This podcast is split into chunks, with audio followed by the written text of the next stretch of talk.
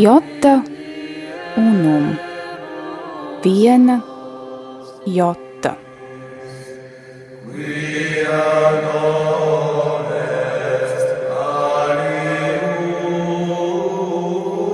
Tradīcija Skaistums, kas paceļas pāri laikam. Skaistais ir patiess, skaistais ir labs.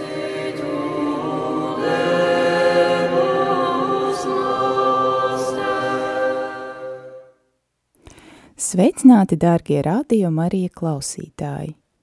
Mani sauc Marija Potniece. Pie skaņu pults ir mana māsa Ilze. Ar jums kopā, kā jau ierasts šajā laikā, ir raidījums Jota Unum. Iepriekšējā raidījumā runājām par tā dēvētajiem atriebības jeb lāstu psalmiem, bet šovakar parunāsim par tradicionālismu un radikālismu bet pirms tam ar savu liecību par tradicionālo latīņu misi mūs iepazīstinās Ilja Marija Boļšakovs.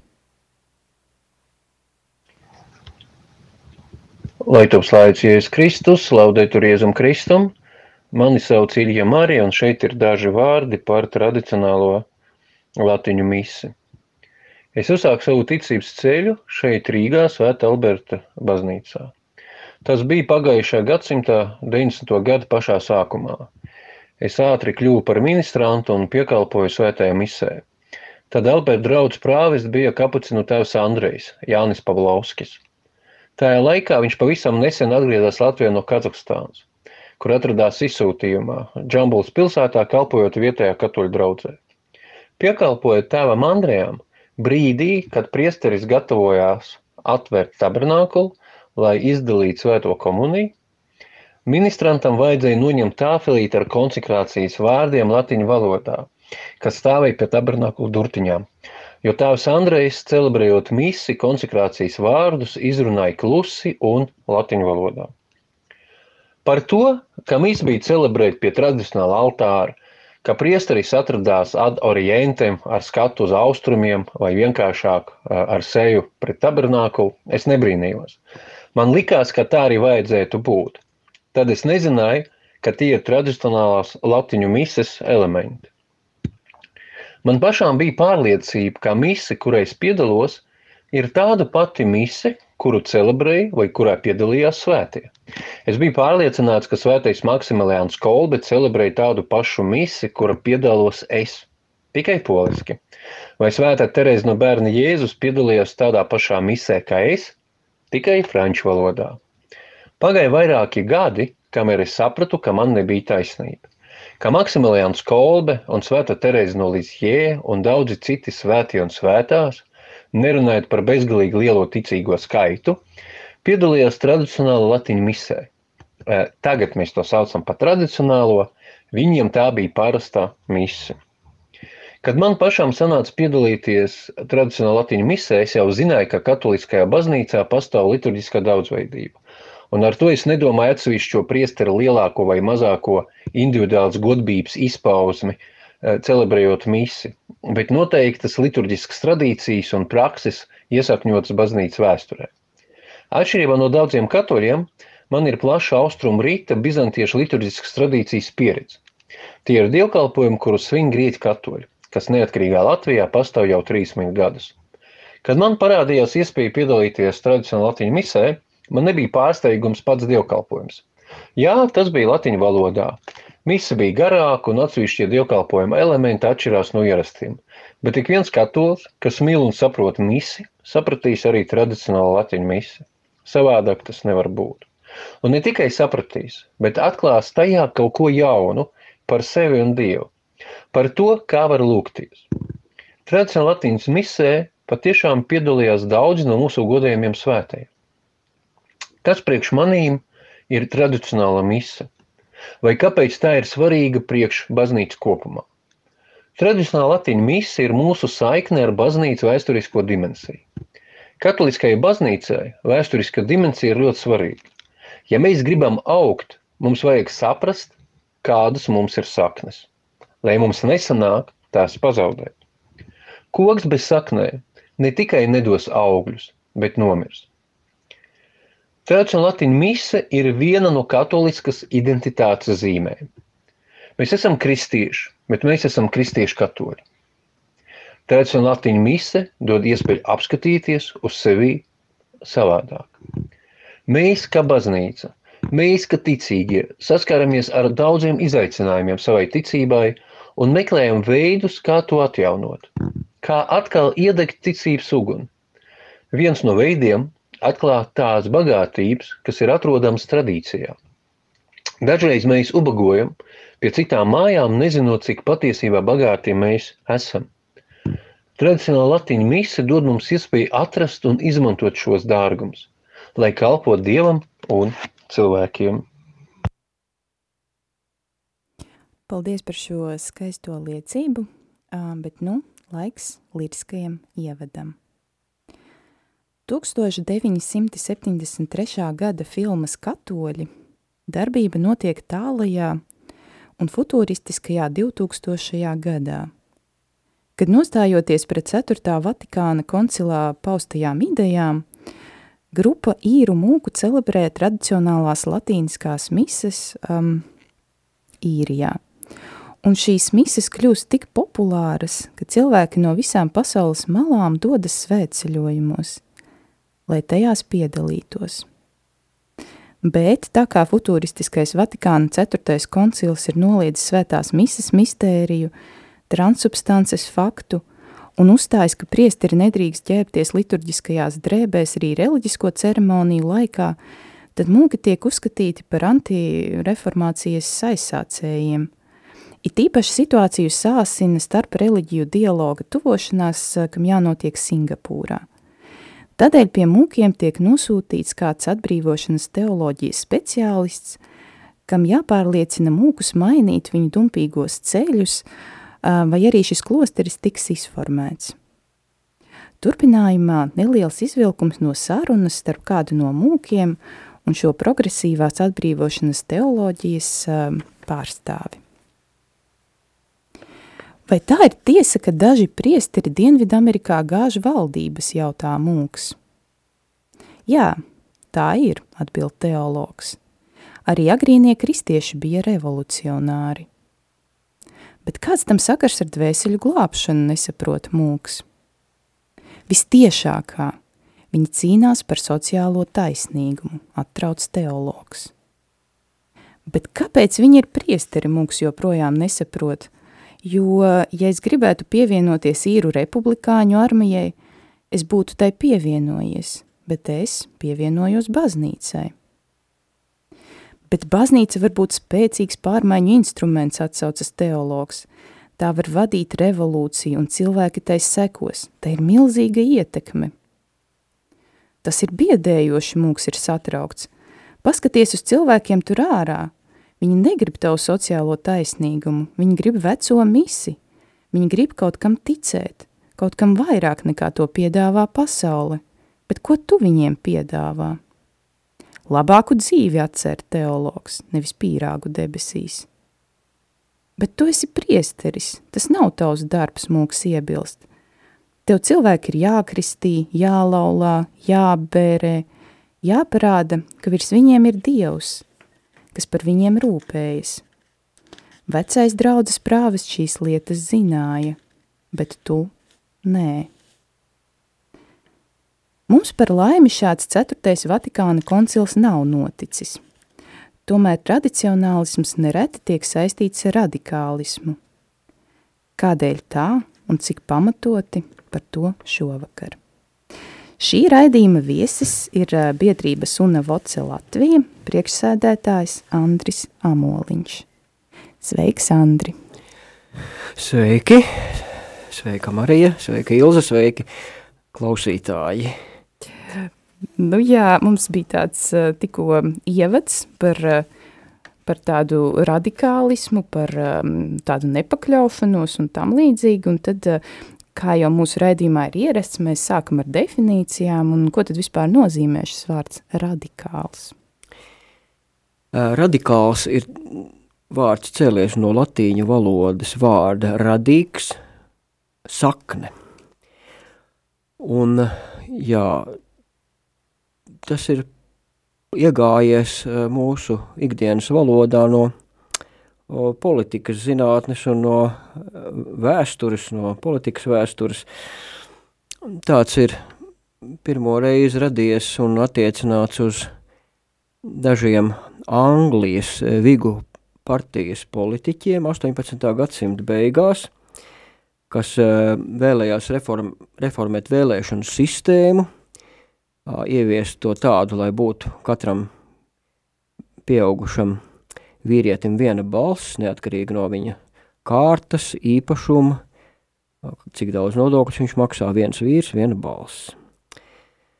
Arī citās valstīs radikālisms tajā laikā un arī vēl 19. gadsimtā tika saistīts ar vēlēšanu sistēmas maiņu, Tāds, piemēram, bija arī Francijā Napoleona laikā radikāļus saistīja ar republikānismu idejām, bet vis, visās vietās tas bija lielā mērā, tātad tur bija šīs bieži vien antiklerikālās, antimonarhiskās idejas, un tā rezultātā ar klasisko liberālismu saprot tādu ideju kopumu, kur ir, un, un, un teiksim, politisko virzienu, kura vēlēšanās pašos pamatos, tā teikt, līdz saknēm mainīt uh, sabiedrisko vai politisko iekārtu, un to darīt nevis uh, pakāpeniski, evolucionējot, bet tūlīt un strauji un, tā teikt, visā pilnībā visu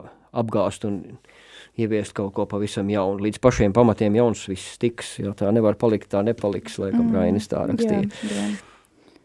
Mm -hmm. Bet sanāk, ka šis, eh, ka šis vārds, kas ir eh, pie mums ienācis no tieši šīs eh, politiskās jomas, ka mēs to izmantojam diezgan plaši arī savā ikdienas dzīvē, un kas tad mūsdienās ir radikāli, ko mēs uzskatām par radikālu?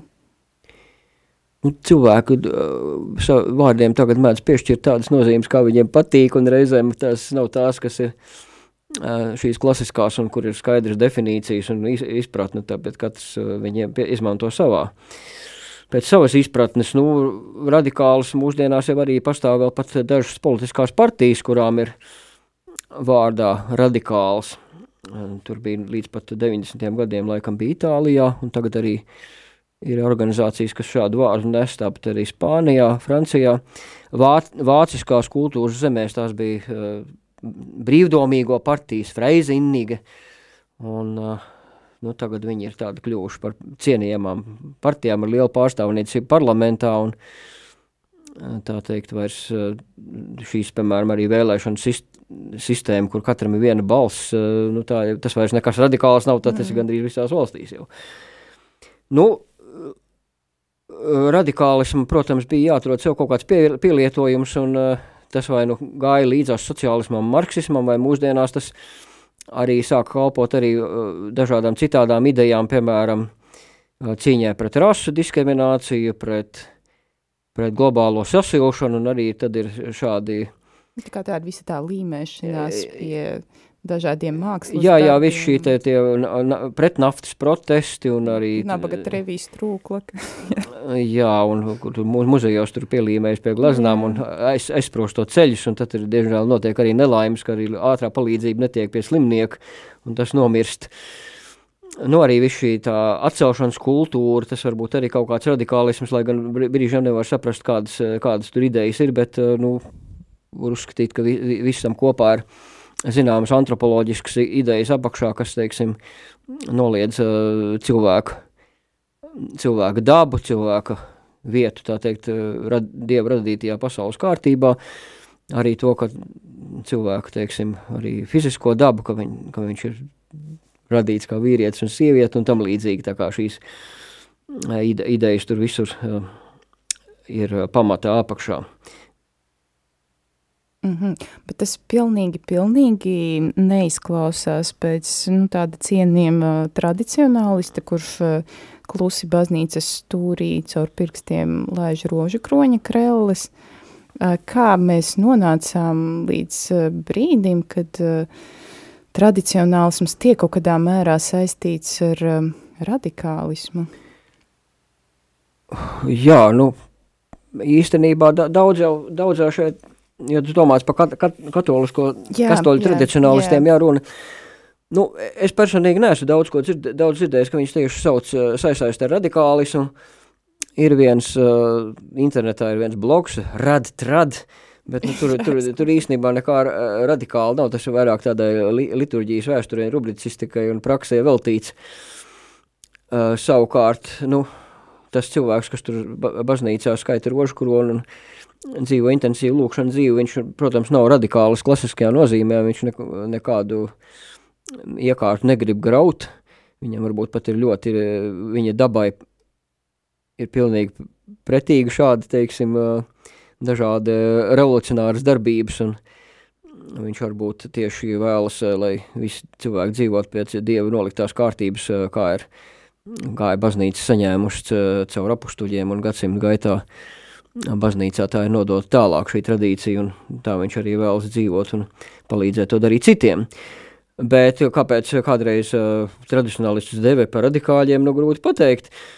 Viens varētu būt, ka tie, kas viņš tā dēvēja, do, ir paši ir kādreizie radikāļi, kas uzskata, ka viņi ir ieguvuši baznīcā un sabiedrībā tik lielu ietekmi, ka lūk tie uh, tie viņa, kā saka, oponenti, tā brīži tie, tie esot radikāļi, nu, tas, tas pats bija padomju savienībā, ja, kad, tad, kad revolucionāri, teiksim, ar Ļeņinu priekšgalā un bolševiki tātad ieguva varu, nu, viņi no, no to nostiprināja, izveidoja savu valsts aparātu, nu, un tad, tad teiksim, tie, kas kaut vai pats paši ar savu klātbūtni, ar savu esamību, teiksim, baznīca vai, vai mūki vai ticīgie cilvēki, kas simbolizēja šo te kārtību, ko revolucionāri bija sagrāvuši, nu tad viņi varēja būt šādā kaut kādā ziņā radikāļi, lai gan padomju savienībā šādu vārdu nelietoja, viņi bija re reakcionāri un vēl kaut kādi, teiksim, buržuāziskie nacionālisti, vai nu kuru, kā, kurā brīdī kādu lamu vārdu viņiem piemēroja. Nu, baznīcā varbūt ir kaut kas līdzīgs notiek, bet es saku, es neesmu varbūt tik daudz tieši iedzienu radikālisms šajā sakarā pamanījis, bet varbūt, ka ir. nu, jā.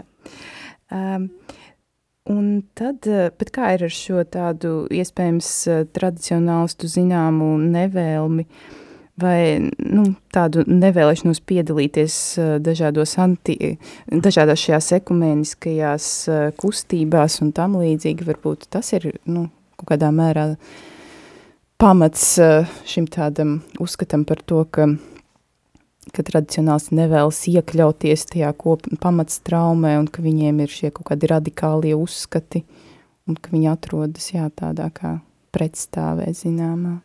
Nē, nu, visam jau īsti skriet līdzi nevar, nu, saka, tas pats ekumēnisms mums ir katram droši vien daudz pazīstamu draugu un kolēģi un varbūt radinieku arī no citām konfesijām, un viņiem var un vajag sadarboties, un īpaši lietās, kas ir, kur mums ir kopīgas intereses, tāpēc sabiedrībā, kā saka, labdarībā, filantropijā, politikā ir daudz, daudz lietas, kuru, ko var darīt kopā, un tā teikt, laicīgajās lietās nekad nav bijis, kā saka, liekts ar viņiem sadarboties arī agrāk, nē. Nu, ir dažas lietas, kur atkal īsti, man liekas, ka nav pat īsti jēga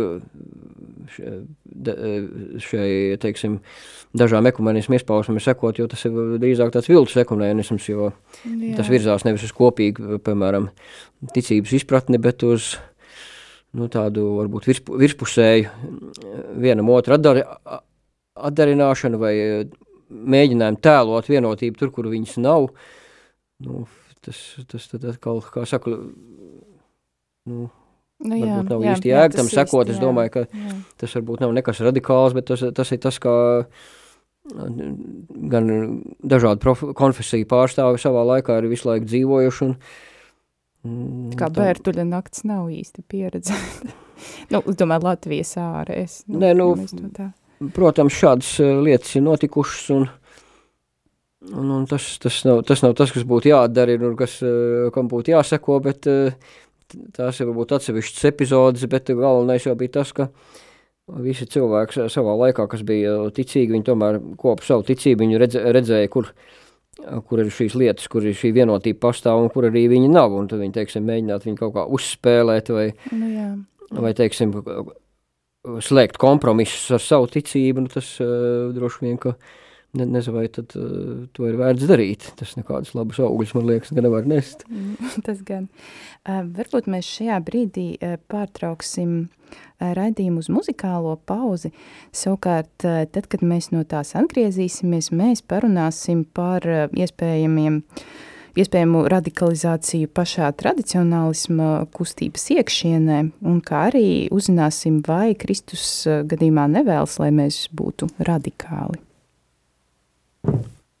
Liebe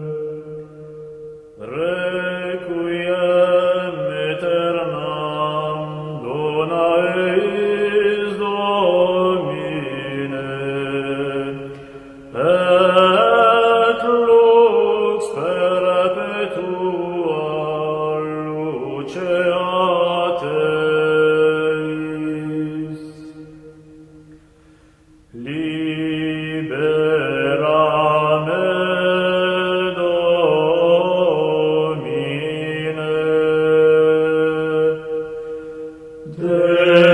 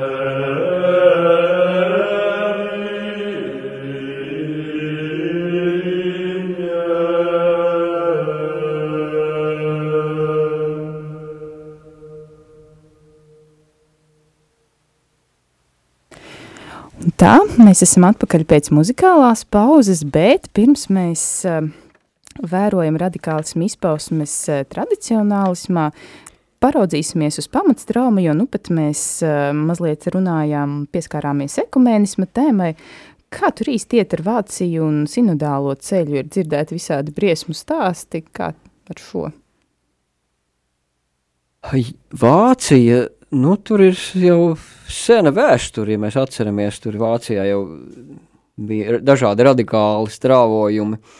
Jau 15. un 16. gadsimtā galu galā no tur, turienes nāk Mārtiņš Luters, no Vācijas runājušās no pasaules, tā gan tagadējā Šveices teritorija, tāpat arī Uldrichs uh, Cvinglīs, Tomas Mincers, tātad uh, arī no vienas puses teoloģiskais radikālisms, uh, kas kopā ir zinām politisks konservatīvisms, kā tas ir Lutera gadījumā. Nu, Mincera gadījumā tas arī ir politiskais radikālisms reizē. Varbūt mazliet um, tu vari pāris vārdos, jo, nu, ja mēs Luteru tā kā zinām, pat zinām, kāds viņš izskatās, tad uh, šis personāžs tā kā... Nu, tā ir saistīts ar anabaptistu kustību, mm -hmm. tātad uh, viņi uzskatīja, ka bērnu kristībai īsti nav jēgas zīdaiņa, ja, ka cilvēks kristību var pieņemt tikai avasinīgi, mm. un tā tad, ja viņš ir tikai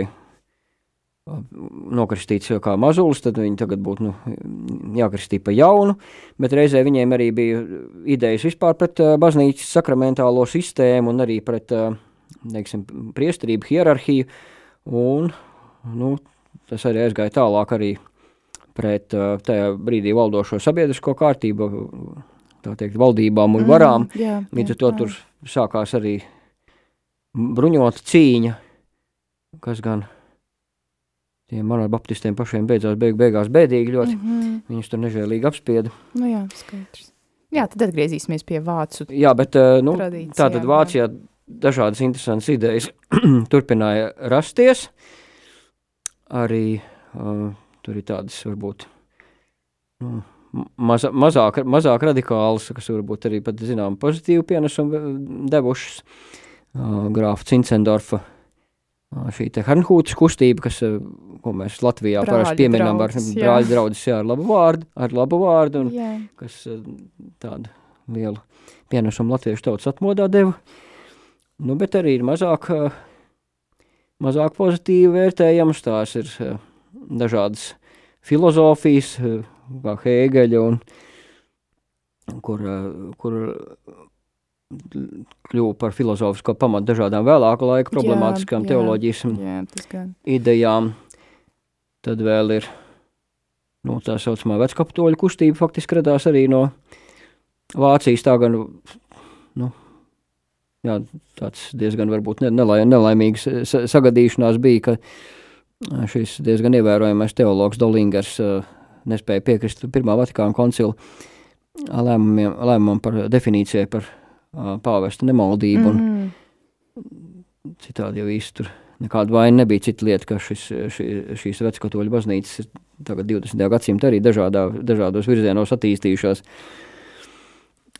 Nu tad arī uh, mēs pārlecam uz 20. gadsimta vidu, 50. un 60. gadiem, tad sākās arī tāds zināms radikālisms teoloģijā, kas varbūt nebija uzreiz vērsts pret pilnīgi visas baznīcas, teiksim, hierarhijas un sakrālās mentālās sistēmas apgāšanu, tā kā tas bija Baptistu laikos, bet a, tomēr a, tur notiek arī tāda vēršanās pret zināmā mērā uh,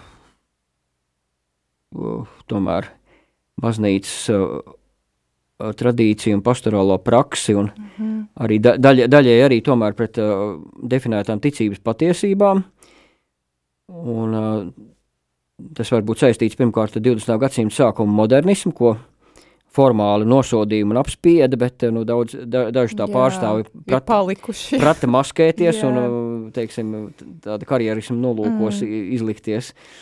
Un pēc tam, kad jau šī kā teikt, eh, radās labvēlīga situācija. Viņi tomēr izvilka savus pierakstījumus. jā, viņi centās uh, caur semināriem, caur uh, reliģiskām kopienām, klosteriem šīs savas idejas tālāk izplatīt. Un, acīm redzot, bija laba augsne, jo dažs labs, piemēram, arī 50 no 60 gadu teologs, kuram varbūt arī bija kā padomniekam ietekme uz otrā Vatikāna koncila dokumentu tapšanu, arī pārstāvēja šīs idejas, daži bija radikālāki, un arī tika baznīcas vismaz tā, kaut cik arī nosodīt, kā Hans Skings vai jā, jā, jā. Šilebeks Beļģijā vai vēlāk jau Drevermans, nu viņš tas bija vēlāk laika, viņš vēl ar tagad ir viena dzīves.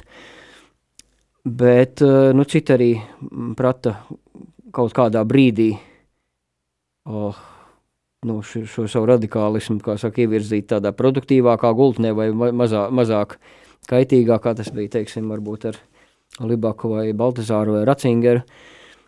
Un tādā veidā Tas bet, tradīcijas bija dzīves vārds. Jāsaka. Jā, jā, šis, šie virzieni bija universitātēs arī pastāvēja, un mēs arī tagad varam vairākus teologus arī lasīt, arī, nu, piemēram, teoloģiskās publikācijās, tāds jezuītu laikraksts Stimender Zeit, kur arī dažādas nu, stipri heterodoksas idejas brīžiem var izlasīt.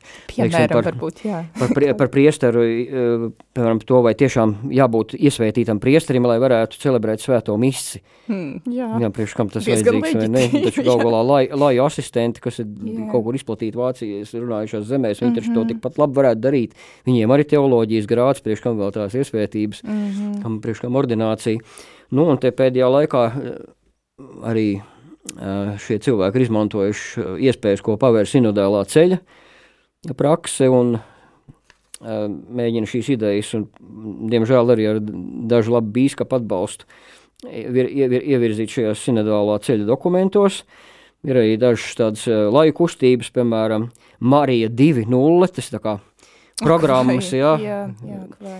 kur ir programma versijas, tur 1, 2, jā, 3 un jā. vēl, vēl apakšversijas. versijas nu, tur ir tā ideja, kas, ka Marija viens, nulle, tas ir dievmāte, kā viņa mm -hmm. tradicionāli marioloģijā tiek pasniegta. Tā ir tādas sievietes apspiestības un pazemības simbols, kuru tur saka, jā, es esmu kunga kalpo un lai man notiek pēc tava prāta, yeah. bet toties Marija divi tā būs uh, uh, šo feministu, sievi, sieviešu cieņas un goda, kā saka, atjaunotāja, Un, un tāpēc tur ir visas šīs idejas par sieviešu ordināciju, lai viņas varētu ieņemt visus iespējamos amats baznīcā, tāpat atcelt celibātu. Un, mm -hmm. nu, tas jau lielā mērā šīs idejas uh, rod jau tādu diezgan lielu at, nu, atbalsi. Zināmās aprindās tas gan ir gan universitāšu teologu vidū, gan arī tā saucamajās uh, laju padomēs un orgānos, kas ir izveidoti vāciski runājušās zemēs, teiksim, īpaši Šveicē, kur faktiski ir pastāv tādas bīskapijām paralēlas struktūras, kas ir tādas kantona baznīcas, kuras vada lāji, un faktiski bīskapiem tur brīžam ir diezgan maza teikšana. Mm.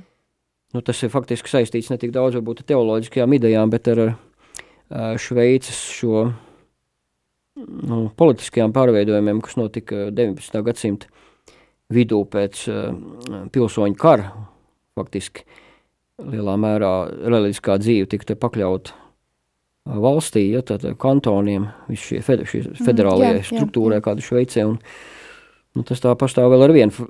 Francijā kaut kas līdzīgs pēc uh, 20. gadsimta sākuma mēģināja nodibināties, un svētais Pīs desmitais to nosodīja.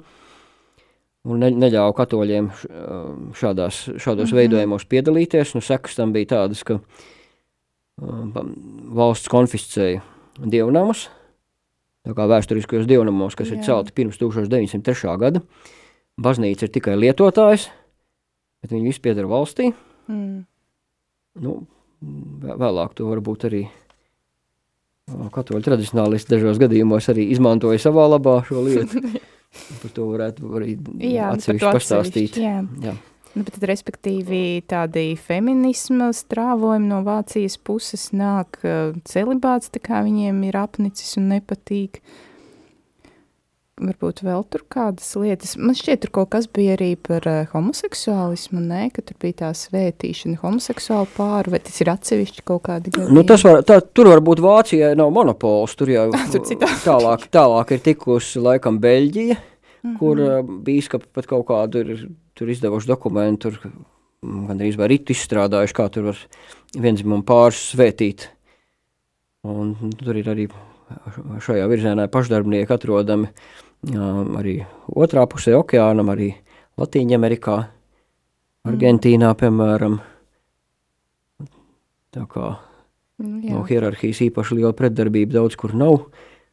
Tā kā šīs idejas var Nu, jā, bet tās tā ir zelt un plaukt. Jā, jā. Nu, labi, bet mēs redzam, ka pamats traumē katolicismā ir um, redzamas daudz dažādas ekstrēmistiskas idejas, bet kā ir ar uh, tradicionālismu vai tradicionālismā, kas, saprotams, arī ir uh, katolicisms, un tā ir nu, tāda, mēs teiktu, ka katolicisma sērde, nu, mums patiktu redzēt sevi.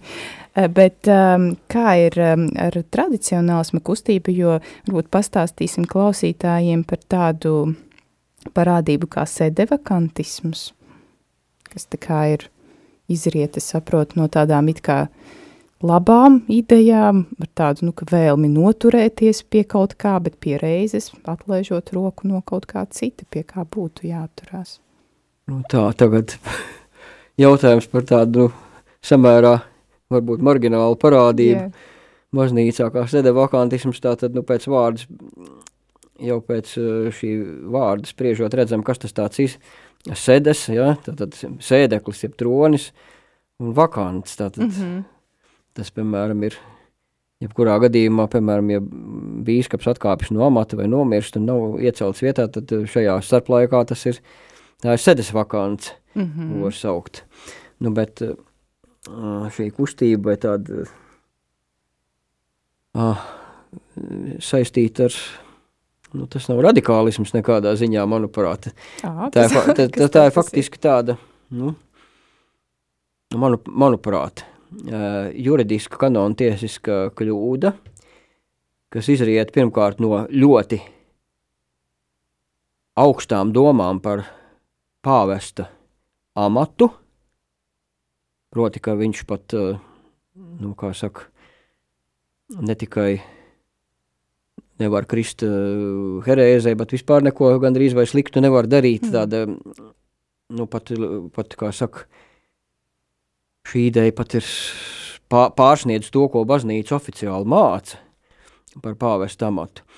Nu, no vienas puses eh, taisnība ir tik tālu, ka tā ir arī baznīcas, eh, kā saka, doktora, tā kā svētā Roberta Belarmīna un kanonistu nu, vairākuma, vairākuma uzskats, kā tātad, teiksim, ja pāvests gadījumā Kristu ķecerībā, lai cik tas mazvarbūtīgi ir, tātad, nu, tad viņš automātiski zaudēt amatu. Nu, no tā viņi, viņi secina šie sedevalkantisti, nu jā, tā kā, teiksim, viņu, viņu, viņu, viņu prāt, kādi, kādi pāvēsti, teiksim, mūsdienās jā. ir, vai, nu, piemēram, sludina vai atbalsta kaut kādu ķecerību, līdz ar to viņi īsti, nevar būt nemaz īsti pāvesti. Mm -hmm. Vai arī citā gadījumā, piemēram, viņi ir kaut kādi pirms ievēlēšanas jau bijuši ķeceri, un līdz ar to vēlēšanas nav derīgas tādu iemeslu dēļ. Uh, Un tad nu, tie ir cilvēki, kuri neredz uh, cienīgu kandidātu pāvestam un tādējādi viņu anulē, jo, nu, viņš vairs, nu, viņš nav pāvests viņu acīs. Nu jā, nu, viņš, viņi uh -huh. tad, tad konstatē, ka viņa, viņa darbība ir, piemēram, kaitīga uh mhm. -huh. baznīcai, nu, un tad, tad, tad tas nozīmē, ka acīm redzot jāsacina, ka viņš, ka viņš nav pāvests. Nu, bet, nu, manuprāt, tā, tā ir tīri juridiska kļūda, jo Turpat, kur teiksim, ir arī mūsu, mūsu pašreizējā kanonisko tiesību kodeksā 1983. gadā pieņemtajā, un līdzīgas normas ir arī iepriekšējā 17. gada kodeksā, kā jā, tur tiešām jebkurš kristams ķecerībā zaudē amatu, jebkura baznīcas amatpersona, ne tikai pāvis, jebkurš cits, bet tālāk tur ir nākamais paragrāfs, kur ir teikts, ka šis fakts kā saka, ir saiz, kļūst saistošs trešajām personām tikai tad, ja šo, teiksim, uh, notikumu, šo amatu zaudēšanu apstiprina kāda augstāka kompetenta instance.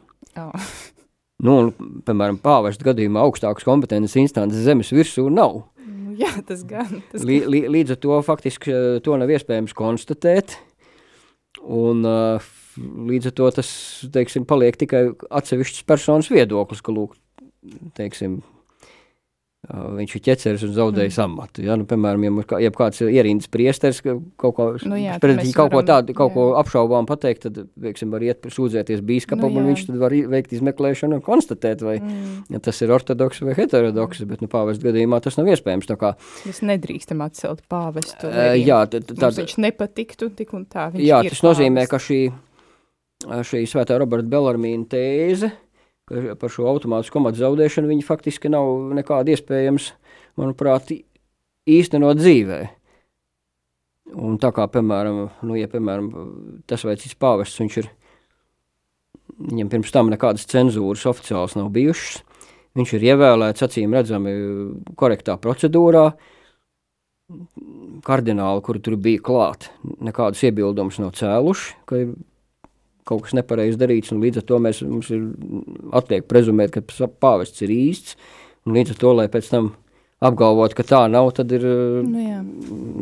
viņš ir jāpakaļau kaut kādai izmeklēšanai, bet ne, mēs to nevaram izdarīt, jo neviens viņu nevaram pakļaut nekādai izmeklēšanai kādai citai procedūrai, ja viņš pats to nevēlas.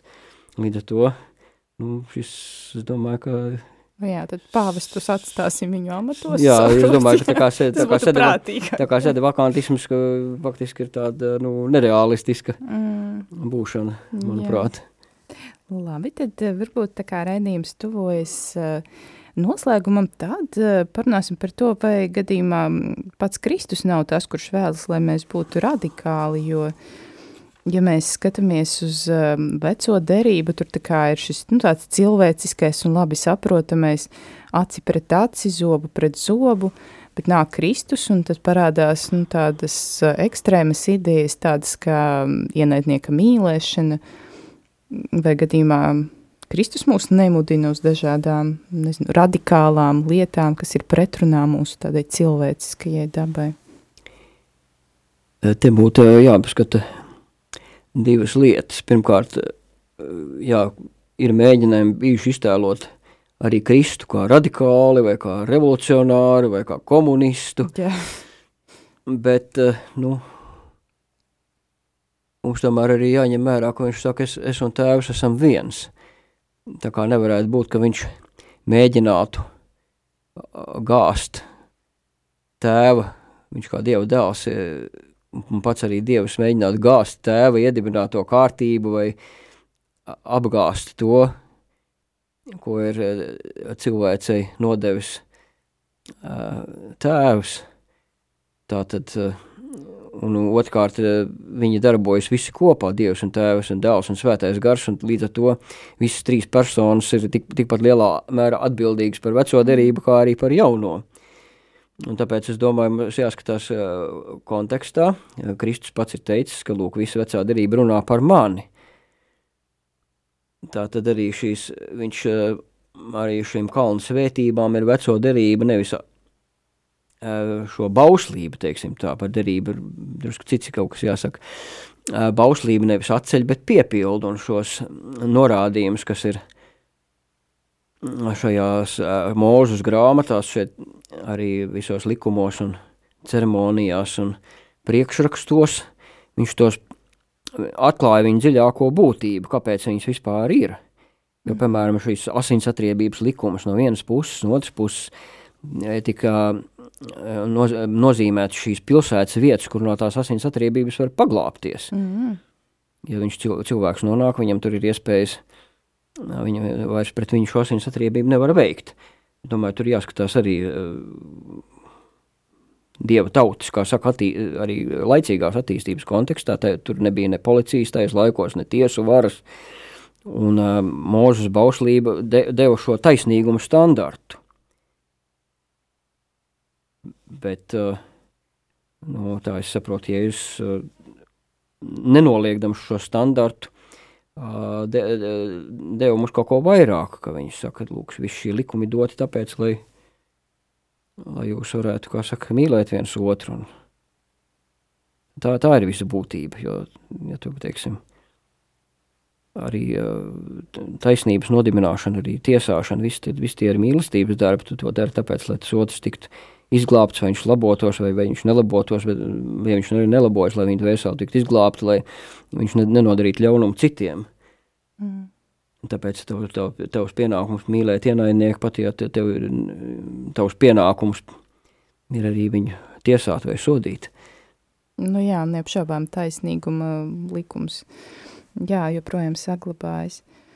Nu, tātad Kristu mēs tomēr neliksim to sarkano radikāļu kā roku, nu, kā iespējams, nu, šajā ievadā, kā bija par šo Dienvidu Ameriku, par šo atbrīvošanas teoloģiju un tādu, nu, ka Kristus ir kļuvis faktiski, jā, par tādu, nezinu, sociālu demokrātu. Nezinu, jā, jā, par, tas ir arī vēl viens no šāda iespējamā teoloģiska, radika, teoloģiskā radikālisma virzienam atbrīvošanas teoloģija. Jā. Nu, protams, arī baznīcas maģistērijas ir ievērojis arī dažādas nianses, un ne visas izpausmes ir vienā, mēr, vienādā mērā nosodījis, bet tieši līdz, norādījis, ka šī atbrīvošana ir baznīcas izpratnē ir atbrīvošana no grēka, nevis atbrīvošana no tās vai citas politiskās iekārtas. Jā. Tā, tā, tā, tā ir prioritāte. Tā kā tas sasaucas ar šo filmu, jā, nu, interesanti, ka uh, bieži vien eh, šī fantastika un futuroloģija dažās, eh, dažās vietās ir ļoti precīzi un dažās vietās galīgi ir garām. Jā, tā kā daudzas lietas, eh, daudzās lietās mums nevaj, nevajadzēja gaidīt nemaz ceturto no Vatikāna koncilu, mēs jau pēc otrā mm, daudz ko no tā mm. pieredzam. Jā. Tas ir tāpat kā arī zinātniskajā fantastikā Aizeksa Zīmovs, kurš 60. gados aprakstīja robotus, kur uh, intelektuālā spēja uh, vēl pārsniedz pat pašreizējo mākslīgā intelekta spēju, bet te pašā laikā viņi bija konstruēti izmantojot uh, šīs lampas. Nu, un spolis, nevis ne, nekāda tranzistora, ne mikroshēmas tajā brīdī, laikam nevienam nebija ienākuši prātā. Ne. Kā tas robots tur soļoja, liels un smags, pilns ar lampām. Jā. Nu, varbūt eh, pēdējais tāds filozofiskais jautājums, eh, kā mums eh, pasargāt sevi no tādas radikalizācijas, jo saprotu, ka tas ir tāds negatīvs process, kas principā iznīcina tās dievi ieliktās struktūras, kas, nu, mākslīgā veidā viņas tā kā tās saknes rauj ārā, uh, kā mēs varam sevi pasargāt, lai nu, neiesaistamies, nezinu, priecīgi Vācijas sinodālajā ceļā un nepie, nesākam piedalīties tajās uh, ceremonijās, kurās tiek svētīti homoseksuāli pāri, kā neskriet līdzi šādām idejām. Nu, galvenais mums ir jāsako uh, tam, ko apustulis Pāvils māca, un tur ir uh, laikam šī vieta, kur kur mēs varam tiešām izmantot šo vārdu radikālisms pozitīvā nozīmē, tad, tad saistībā ar tā pamatnozīme sakne. Lūk, vēstulē kolosiešiem apustols Pāvils raksta, ka jums vajag sakņoties Jēzu, ja sakņodamies mm. viņā, augdami viņā, stipri kļūdami ticībā, kurā esat mācīti. Tā kā jums ir visiem mums būtu jāturās pie šīs te mā, baznīcas mācības, kāda viņi vienmēr ir mācīta un katehismos attēlot, un tad es domāju, ka mums arī ne, nebūtu jābīstās, ka mēs šādā iekrist šāda veida radikālismā. Nu, otra lieta ir varbūt tāda, ka uh, iespējams ir radikāļu metodas izmantot neradikāliem mērķiem. Nu, tur droši vien ir jā, jāturas pie atziņas morāla teoloģijas atziņas, ka nevar darīt ļaunu, lai, mm, lai nāktu labs, un arī tā tad ne, nevar arī pat arī, piemēram, kaut kādu tradicionālo vērtību, vai tas būtu politisks vai reliģisks aizstāvība, izmantot metodas, kas grauj sabiedrisko kārtību, grauj, teiksim, laicīgās vai garīgās varas autoritāti un tam līdzīgi. Mm. Tā kā Mm. Tad, tad tas tur vienmēr ir saka, jāpiedomā, jo arī baznīca nosodīs bieži vien lietas, kas, piemēram, it kā ir labu mērķu vārdā, tiek darītas lietas, kas nu, pašas par sevi ir, rada, rada jaunu netaisnību, varbūt pat reizēm vēl lielāku. Tā kā, nu, piemēram, arī šī kur, teiksim, vismaz nomināli katoļi krituši dažādās radikālismu izpausmēs, tur, teiksim, Basku teroriska organizācija, jā, ETA vai jā. Īru republikāņu armija. Mm, tur viņiem mm. varbūt nebija īsti reliģiski mērķi, bet, nu, katrā ziņā tur tādas, kā saka, lūk arī var, no, var šādi radikāļu paņēmienu izmantošana arī var novest pie lielas netaisnības un posta. Nu jā, tieši tā. Jā, paldies tev, Andri, par eh, šo sarunu, jo raidījuma laiks ir um, nonācis pie noslēguma sava. Jā, paldies tev par šo sarunu. Paldies par uzaicināšanu, paldies par klausīšanos klausītājiem un priecīgus eh, tuvojušos vasaras svētkus. Jā, tieši tā pievienojos Andra um, novēlējumam un um, Diemžēl tradicionālā latīņu misogrē joprojām nav pieejama, bet aicinu lūgties šajā nodomā, lai iespēja piedalīties tradicionālajās latīņu misēs Latvijā tomēr būtu. Un kā ierasts, pateicos ikvienam par izrādītu atbalstu lūkšanās un nodomos. Paldies jums un uz drīzu tikšanos!